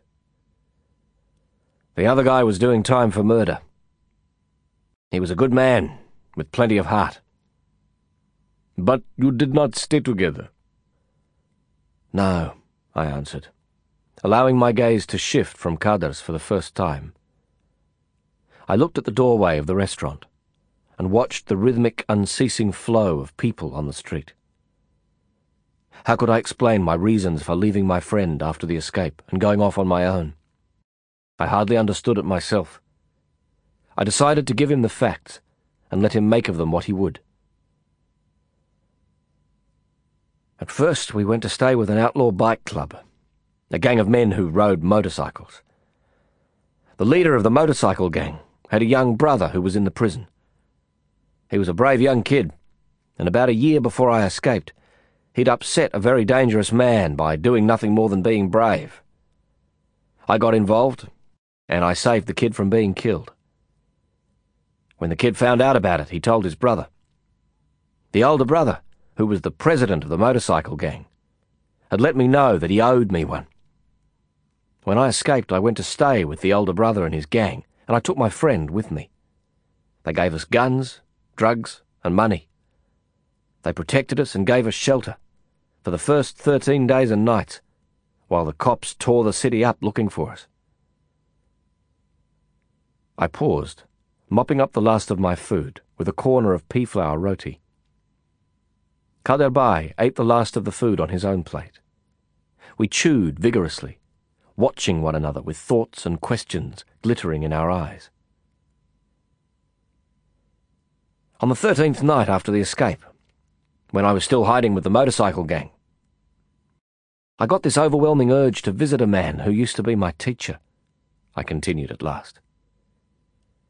He was a lecturer in philosophy at a university in my city. He was a Jewish intellectual, a brilliant guy, and very highly respected in the city where I grew up. But brilliant and all as he was, I still don't know why I went to see him. I can't explain it. I don't really understand it even now. I just had to speak to him. The feeling was so strong I couldn't fight it. So I went across the city, risking my life to see him. He said that he'd expected to see me and that he was waiting for me to come to him. He told me that I had to give up my guns, first of all. He tried to convince me that I wouldn't need them, and that they'd bring me grief if I didn't get rid of them. He told me that I had to give up the crime of armed robbery and never commit it again. He said that I'd paid my dues for the crimes I'd committed, but that if I ever did that crime again, I would be killed or captured straight away. Whatever else you have to do to stay free, he said. Don't ever do that crime again. He told me to split from my friend, because he was sure to get caught, and if I was with him, I'd be caught too. And he told me to travel the world, Tell people as much as they need to know, he said. I remember that he was smiling when he said it, like there was nothing to it. And ask people for help, he said. You'll be all right. Don't worry. It's a great adventure, your life, and it has only just begun. There was a pause as I lapsed into silence once more. A waiter approached the table to clear away our empty plates, but Kader waved him away. The Mafia Don stared at me, his golden eyes unwavering, but it was a sympathetic and encouraging stare. I left his office the philosopher's office at the university, and I knew that everything had changed with just that little conversation. I went back to the motorcycle gang and my friend. I gave him my guns, and I told him that I had to leave. I went off on my own. He was captured six months later, after a gun battle with the cops. I'm still free, if that word means anything when you're a wanted man with nowhere to go. And that's it. Now you know the story. I would like to meet this man, Kaderbhai said slowly. This lecturer in philosophy. He gave you good advice. But tell me, I understand that Australia is a very different country, not like India. Why do you not return there and tell the authorities about the torture you endured in the prison? Would this not make you safe and return you to your life and your family? Where I come from, we don't inform on anyone, I replied. Not even on torturers. And even if I did, even if I went back there and stood in the dock as a Crown witness and gave evidence against the screws who torture prisoners, there'd be no guarantee it would stop. The system would look after them. No sane man trusts the British justice system. When was the last time you ever heard of a rich man throwing himself on the mercy of the court? It doesn't happen. The system would look after the torturers, and they'd get away with it, no matter what they did, and no matter how much proof there was. And I'd go back in jail, and I'd be in their power again. And they'd make a pretty good mess of me. I think... I think they'd kick me to death down there in the punishment unit. Anyway, it's not an option. You don't lag people. You don't inform on people. Not for any reason. It's a principle. It's probably the only one we've got left when we get locked up in a cage. But you believe that these prison guards are still torturing other men in that prison? Just as they tortured you? He pressed. Yes, I do. And you are in a position to do something about this? to try to alleviate their suffering? I might be, I might not be. Like I said, I don't think the system would be in any hurry to bring them to justice, or to rush to our defence. But there is a chance, just a chance, that they would listen to you, and put an end to the torture of the other men. There's a chance. I don't think it's a big one. But still there's a chance, he insisted. Yes, I said flatly. So it could be said that you are in a way responsible for the suffering of the other men? The question was offensive, but his tone was entirely gentle and compassionate. I stared into his eyes and was sure that he meant no offence or harm. It was Kader who'd rescued me from the Indian prison, after all, and indirectly from the Australian prison that we were discussing. You could say that, I answered calmly. But that doesn't change the principle. You don't tell on people, not for any reason. I'm not trying to trap you, Lin, or trick you. But you will agree, I think, from this example, that it is possible to do the wrong thing for the right reasons. He smiled again, for the first time since the story of the escape had begun. This will come back to us at another time. I have raised it in this way because it is a very important point about how we do live our lives and how we should live our lives. There is no need to talk of it now, But this question will come back to us in another discussion, I am sure. So I would like you to remember it. And what about currencies? I asked, seizing the opportunity to change the subject away from me and towards the rules of his moral universe once more. Don't currencies come under your heading of sinful crimes? No. Not currencies, he said firmly. The voice was deep, the words surging upwards from the diaphragm into the chest, and passing through the rumbling gemstone tumbler of his throat. What emerged was a tone of voice that resonated with the hypnotic piety of a sermoner, reading from the Koran, even as he talked of his most profitable crimes. And gold smuggling? No. Not gold. Not passports. Not influence. Influence was Kader's euphemism for the full range of interactions between his mafia group and the society in which it thrived. They began with bribery, in a schedule of venalities ranging from insider trading to the securing of profitable tenders. When bribes failed, Kader's influence extended to debt collection and protection rackets, aimed at businesses that operated in the areas he controlled. Not least in the spheres of his influence was intimidation through force or blackmail of political and bureaucratic recalcitrants. So, how do you determine how much sin is in any one crime?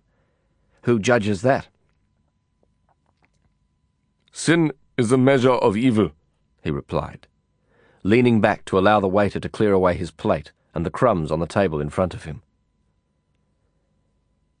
OK, how do you determine how much evil is in any one crime? Who judges the evil in it? If you really want to know about good and evil, we'll have a walk and talk further. He rose, and Nazir, his constant companion, rose like his shadow and followed him to the sink, tap, and mirror, housed in an alcove that was set into the back wall of the restaurant. They washed their hands and faces, hawking and spitting noisily into the sink, as did every other man in the restaurant at the conclusion of his meal. When my turn at washing, hawking, and spitting was complete, I found Kader Bhai talking with the owner of the Sarab on the footpath outside the restaurant. When they separated, the owner embraced Kader and asked for his blessing. The man was a Hindu, and his forehead bore the mark of blessing he'd received at a temple only hours before. Yet when Kader Bhai held the man's hand in his own, and softly mumbled a Muslim blessing, the devout Hindu responded with delight and gratitude. Kader and I strolled back towards Colaba. Stocky, ape-like Nazir walked a metre or so behind us, scowling at the street. At Sassoon Dock, we crossed the road and passed beneath the arch at the main entrance to the old dockyard. The smell of prawns drying in the sun in pink mountains made my stomach flip. But when we caught sight of the sea, the stench was lost in the strong breeze. Nearer to the docks, we threaded our way through crowds of men pushing handcarts and women carrying baskets on their heads, all bearing crushed ice and a burden of fish. Factories that produced the ice and processed the fish added their industrious clangour to the wailing of auctioneers and salesmen. At the edge of the dock itself, there were twenty large wooden fishing boats, built to the same designs used for vessels that had sailed the Arabian Sea on the Maharashtrian coast of India five hundred years before. Here and there between them were larger, more expensive metal boats. The contrast between those rusted, graceless hulks and the elegant wooden boats beside them spoke a history, a modern saga a world story that moved from life at sea as a romantic calling to the profiteer's cold, efficient lusting for the bottom line. We sat on a wooden bench in a quiet, shaded corner of the dock, where fishermen sometimes rested to share a meal. Kader stared at the vessels, which were shifting and genuflecting at their moorings on the lapping tide. His short hair and beard were almost white, the tight, unblemished skin of his lean face was tanned to the colour of sun-ripened wheat. I looked at the face. The long, fine nose and wide brow and upward curving lips and wondered, not for the first time, and not for the last, if my love for him would cost me my life. Nazir, ever watchful, stood near us and scanned the dock with a glowering expression that approved of nothing in the world but the man who sat beside me. The history of the universe is a history of motion, Kader began, still looking at the boats, nodding together like horses in harness. The universe, as we know it, in this one of its many lives, began in an expansion that was so big and so fast that we can talk about it, but we cannot in any truth understand it or even imagine it. The scientists call this great expansion the Big Bang, although there was no explosion in the sense of a bomb or something like that. And the first moments after that great expansion, from the first fractions of attoseconds, the universe was like a rich soup made out of simple bits of things. Those bits were so simple that they were not even atoms yet. As the universe expanded and cooled down, these very tiny bits of things came together to make particles. Then the particles came together to make the first of the atoms. Then the atoms came together to make molecules. Then the molecules came together to make the first of the stars. Those first stars went through their cycles and exploded in a shower of new atoms. The new atoms came together to make more stars and planets. All the stuff we are made of came from those dying stars. We are made out of stars, you and I. Do you agree with me so far? Sure, I smiled. I don't know where you're going yet, but so far, so good. Precisely, he laughed. So far, so good. You can check the science of what I'm saying to you. As a matter of fact, I want you to check everything that I say, and everything you ever learn from anyone else. But I'm sure that the science is right, within the limit of what we know. I've been studying these matters with a young physicist for some time now and my facts are essentially correct. I'm happy to take your word for it, I said. And I was happy, just to have his company and his undivided attention. Now, to continue. None of these things, none of these processes, none of these coming together actions are what one can describe as random events. The universe has a nature, for and of itself something like human nature, if you like. And its nature is to combine and to build and to become more complex. It always does this. If the circumstances are right, bits of matter will always come together to make more complex arrangements. And this fact about the way that our universe works, this moving towards order and towards combinations of these ordered things, has a name.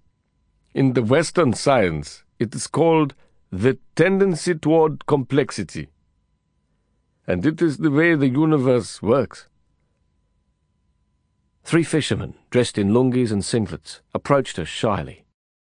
One of them carried two wire baskets containing glasses of water and hot chai.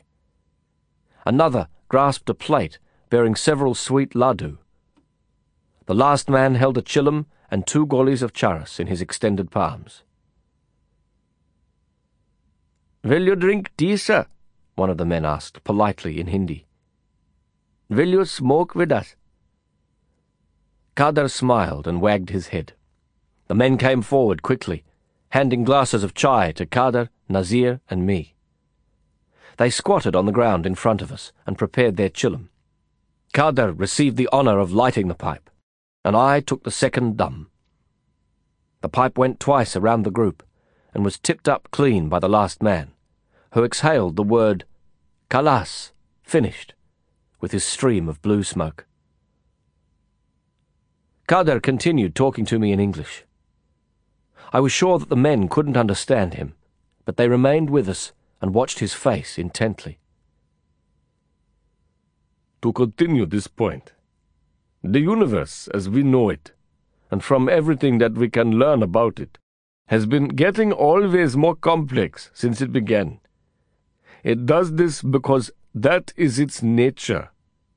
The tendency towards complexity has carried the universe from almost perfect simplicity to the kind of complexity that we see around us, everywhere we look. The universe is always doing this. It is always moving from the simple to the complex. I think I know where you're going with this. Kader laughed. The fisherman laughed with him. The universe, he continued, this universe that we know, began in almost absolute simplicity, and it has been getting more complex for about 15 billion years. In another billion years, it will be still more complex than it is now. In 5 billion, in 10 billion, it is always getting more complex. It is moving toward something. It is moving toward some kind of ultimate complexity. We might not get there. An atom of hydrogen might not get there, or a leaf, or a man, or a planet might not get there to that ultimate complexity. But we are all moving towards it. Everything in the universe is moving towards it. And that final complexity, that thing we are all moving to, is what I choose to call God. If you don't like that word, God, call it the ultimate complexity. Whatever you call it, the whole universe is moving toward it. Isn't the universe a lot more random than that? I asked, sensing the drift of his argument and seeking to head it off. What about giant asteroids and so on? We, I mean our planet, could get smashed to fragments by a giant asteroid. In fact, there's a statistical probability that major impacts will occur. And if our sun is dying, and one day it will, isn't that the opposite of complexity? How does that fit in with the movement to complexity if all this complex planet is smashed to atoms and our sun dies? A good question, Kaderbhai replied. A happy smile revealed the run of his slightly gapped ivory cream teeth. He was enjoying himself in the discussion, and I realized that I'd never seen him quite so animated or enthused. His hands roved the space between us, illustrating some points and emphasizing others. Our planet may be smashed, it is true, and one day our beautiful sun will die. And we are, to the best of our knowledge, the most developed expression of the complexity in our bit of the universe.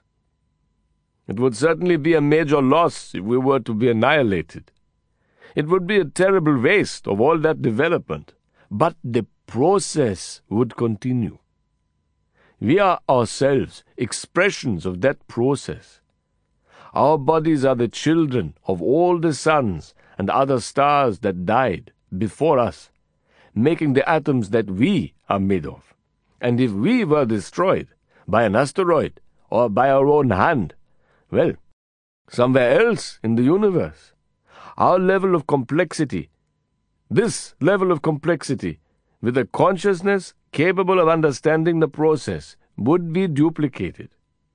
I do not mean people exactly like us. I mean that thinking beings that are as complex as we are would develop somewhere else in the universe. We would cease to exist, but the process would go on. Perhaps this is happening in millions of worlds even as we speak. In fact, it is very likely that it is happening all over the universe, because that is what the universe does. It was my turn to laugh. Okay, okay. And you want to say, let me guess, that everything that helps this along is good, right? And anything that goes in the other direction, your spin on it is that it's evil, huh? Kaderbhai turned his full attention on me, with one eyebrow raised in amusement or disapproval, or both. It was an expression I'd seen on Carla's face more than once. He might have thought that my slightly mocking tone was rude. I didn't mean it to be. It was defensive, in fact, because I couldn't find a flaw in his logic, and I was profoundly impressed by his argument. Perhaps he was simply surprised. He told me once, much later, that one of the first things he liked about me was that I wasn't afraid of him. And my fearlessness often took him by surprise with its impudence and its folly. Whatever the cause for his little smile and arched eyebrow, it was some time before he continued. In essence, you're right.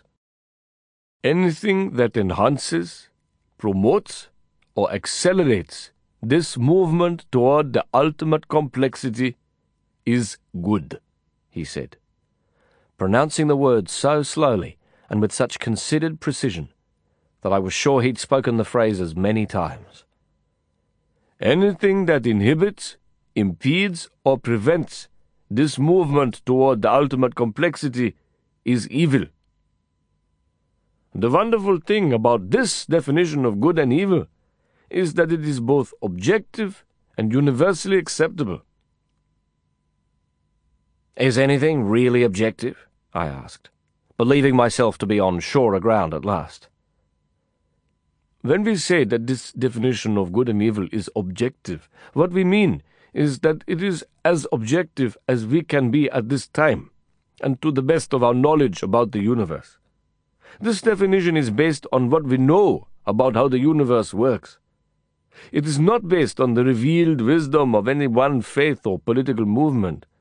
It is common to the best principles of all of them, but it is based on what we know rather than what we believe. In that sense, it is objective. Of course, what we know about the universe and our place in it is constantly changing as we add more information and gain new insights.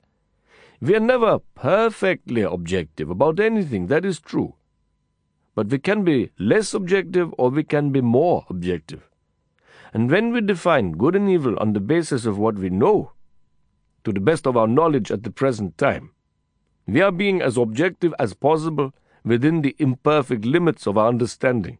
Do you accept that point? When you say that objective doesn't mean absolutely objective, then I accept it. But how can the different religions, not to mention the atheists and agnostics, and the just plain confused like me, ever find any definition universally acceptable? I don't mean to be insulting, but I think most believers have got too much of a vested interest in their own God and heaven franchises, if you know what I mean, to ever agree on anything. It is a fair point, and I am not offended, Kader mused, glancing at the silent fisherman sitting at his feet. He exchanged a broad smile with them, and then continued. When we say that this definition of good and evil is universally acceptable, what we mean is that any rational and reasonable person, any rational and reasonable Hindu, or Muslim, or Buddhist, or Christian, or Jew, or any atheist for that matter, can accept that this is a reasonable definition of good and evil, because it is based on what we know about how the universe works. I think I understand what you're saying, I offered, when he fell silent. But I don't really follow you when it comes to the physics, I guess, of the universe. Why should we accept that as the basis for our morality? If I can give you an example, Lin, perhaps it will be clearer. I will use the analogy of the way we measure length, because it is very relevant to our time. You will agree, I think, that there is a need to define a common measure of length, yes? You mean in yards and meters and like that? Precisely. If we have no commonly agreed criterion for measuring length, we will never agree about how much land is yours and how much is mine or how to cut lengths of wood when we build a house. There would be chaos. We would fight over the land and the houses would fall down. Throughout history, we have always tried to agree on a common way to measure length. Are you with me once more on this little journey of the mind? I'm still with you, I replied, laughing and wondering where the Mafia Don's argument was taking me. Well, after the revolution in France, the scientists and government officials decided to put some sense into the system of measuring and weighing things. They introduced a decimal system based on a unit of length that they called the meter, from the Greek word metron, which has the meaning of a measure. Okay. And the first way they decided to measure the length of a meter was to make it one ten millionth of the distance between the equator and the North Pole. But their calculations were based on the idea that the Earth was a perfect sphere, and the Earth, as we now know, is not a perfect sphere. They had to abandon that way of measuring a meter, and they decided instead to call it the distance between two very fine lines on a bar of platinum iridium alloy. Platinum iridium, yes, but platinum iridium alloy bars decay and shrink very slowly, even though they are very hard, and the unit of measure was constantly changing. In more recent times, scientists realized that the platinum iridium bar they had been using as a measure would be a very different size in, say, a thousand years than it is today. And that was a problem? Not for the building of houses and bridges, Kader said, taking my point more seriously than I'd intended it to be. But not nearly accurate enough for the scientists, I offered, more soberly. No, they wanted an unchanging criterion against which to measure all other things. And after a few other attempts, using different techniques, the international standard measure for a meter was fixed only last year as the distance that a photon of light travels in a vacuum during roughly one three hundred thousandth of a second.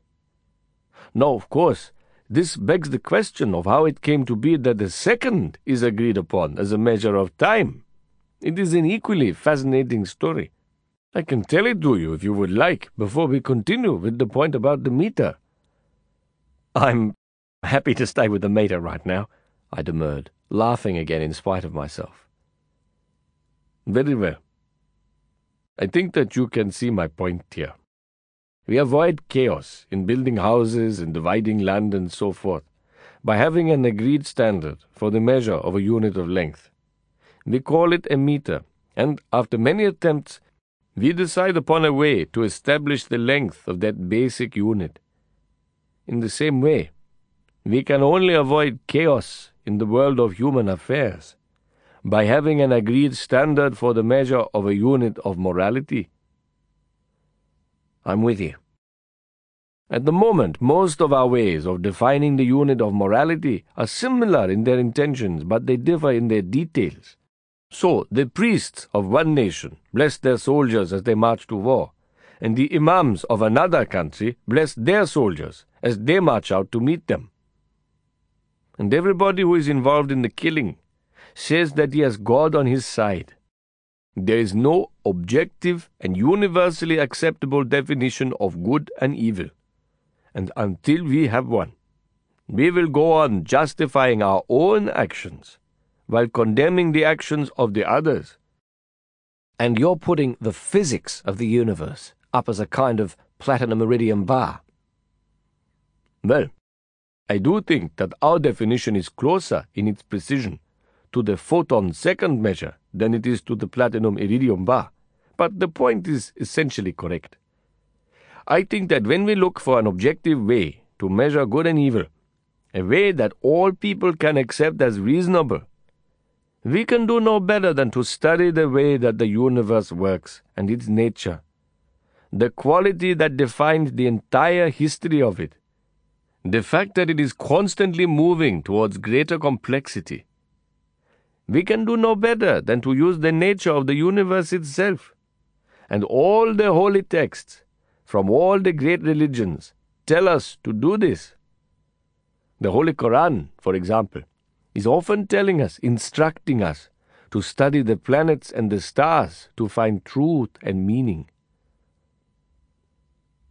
I still have to ask the question why use this fact about the tendency towards complexity and not some other fact?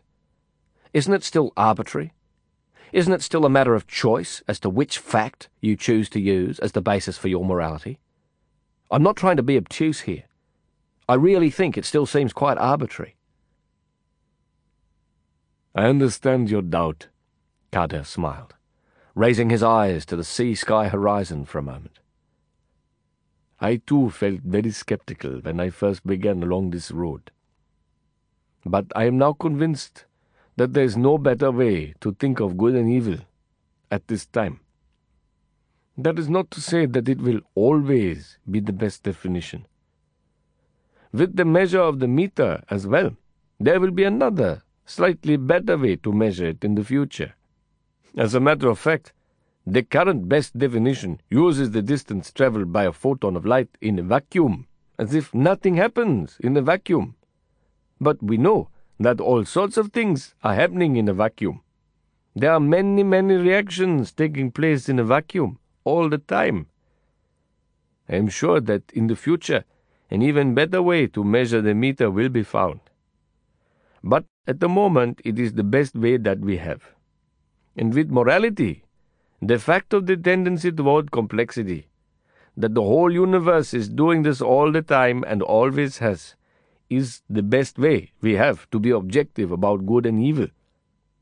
We use that fact rather than any other because it is the largest fact about the universe. It is the one fact that involves the whole universe throughout the whole of its history. If you can give me a better way to be objective about good and evil and to involve all the people of all the faiths and all the non believers and the whole history of the whole universe, then I would be very, very happy to hear it. Okay. Okay, so the universe is moving along toward God or toward some ultimate complexity. Anything that helps it along is good. Anything that holds it back is evil. That still leaves me with the problem of who judges the evil. How do we know? How do we tell whether any one thing we do will get us there or hold us back? A good question, Kader said, standing and brushing the creases from his loose linen trousers and his knee-length white cotton shirt. In fact, it is the right question. And at the right time. I will give you a good answer. He turned away from me to face the three fishermen, who'd stood with him and were waiting attentively. For a moment, I teased myself with the conceit that I'd stumped him with my question. But that prideful hope dissolved as I watched him talk with the barefoot fisherman. There was such apodictic certitude in Kader's every pronouncement, such a decisive, incontrovertible assurance in the man that it informed and composed even his stillnesses and silences. I knew that there was an answer to my question. I knew that he would give it to me when he judged the time to be right. Standing near him, I eavesdropped on his conversation. He asked them if they had any complaints, if there was any bullying of the poor men on the dock. When they told him there was none, just at that time, he asked them about the available work, and if the jobs were fairly distributed among those with greatest need. Reassured on that point as well, he asked them about their families and their children. The last of their conversation was about the work on Sassoon Dock's fishing fleet. They told him about the mountainous stormy waves, the fragile boats, the friends made at sea, and the friends lost at sea. He told them about the one and only time he'd sailed the deep water, during a violent storm, in one of the long wooden fishing boats. He told them how he'd tied himself to the boat, and how fervently he'd prayed until they'd sighted land. They laughed, and then tried to touch his feet in a respectful goodbye. But he lifted them by the shoulders and shook hands with them, one by one. When he parted from them, they walked away with their backs straight and their heads high. How was your work with Khaled? Kader asked me when we walked back through the dock. Very good. I like him. I liked working with him. I'd still be with him if you hadn't put me to work with Majid. And how is that? How is it with our Majid? I hesitated. Carla once said that men reveal what they think when they look away and what they feel when they hesitate. With women, she said, it's the other way around. I'm learning what I need to know. He's a good teacher. But you made a more personal connection with Khaled Ansari, isn't it so?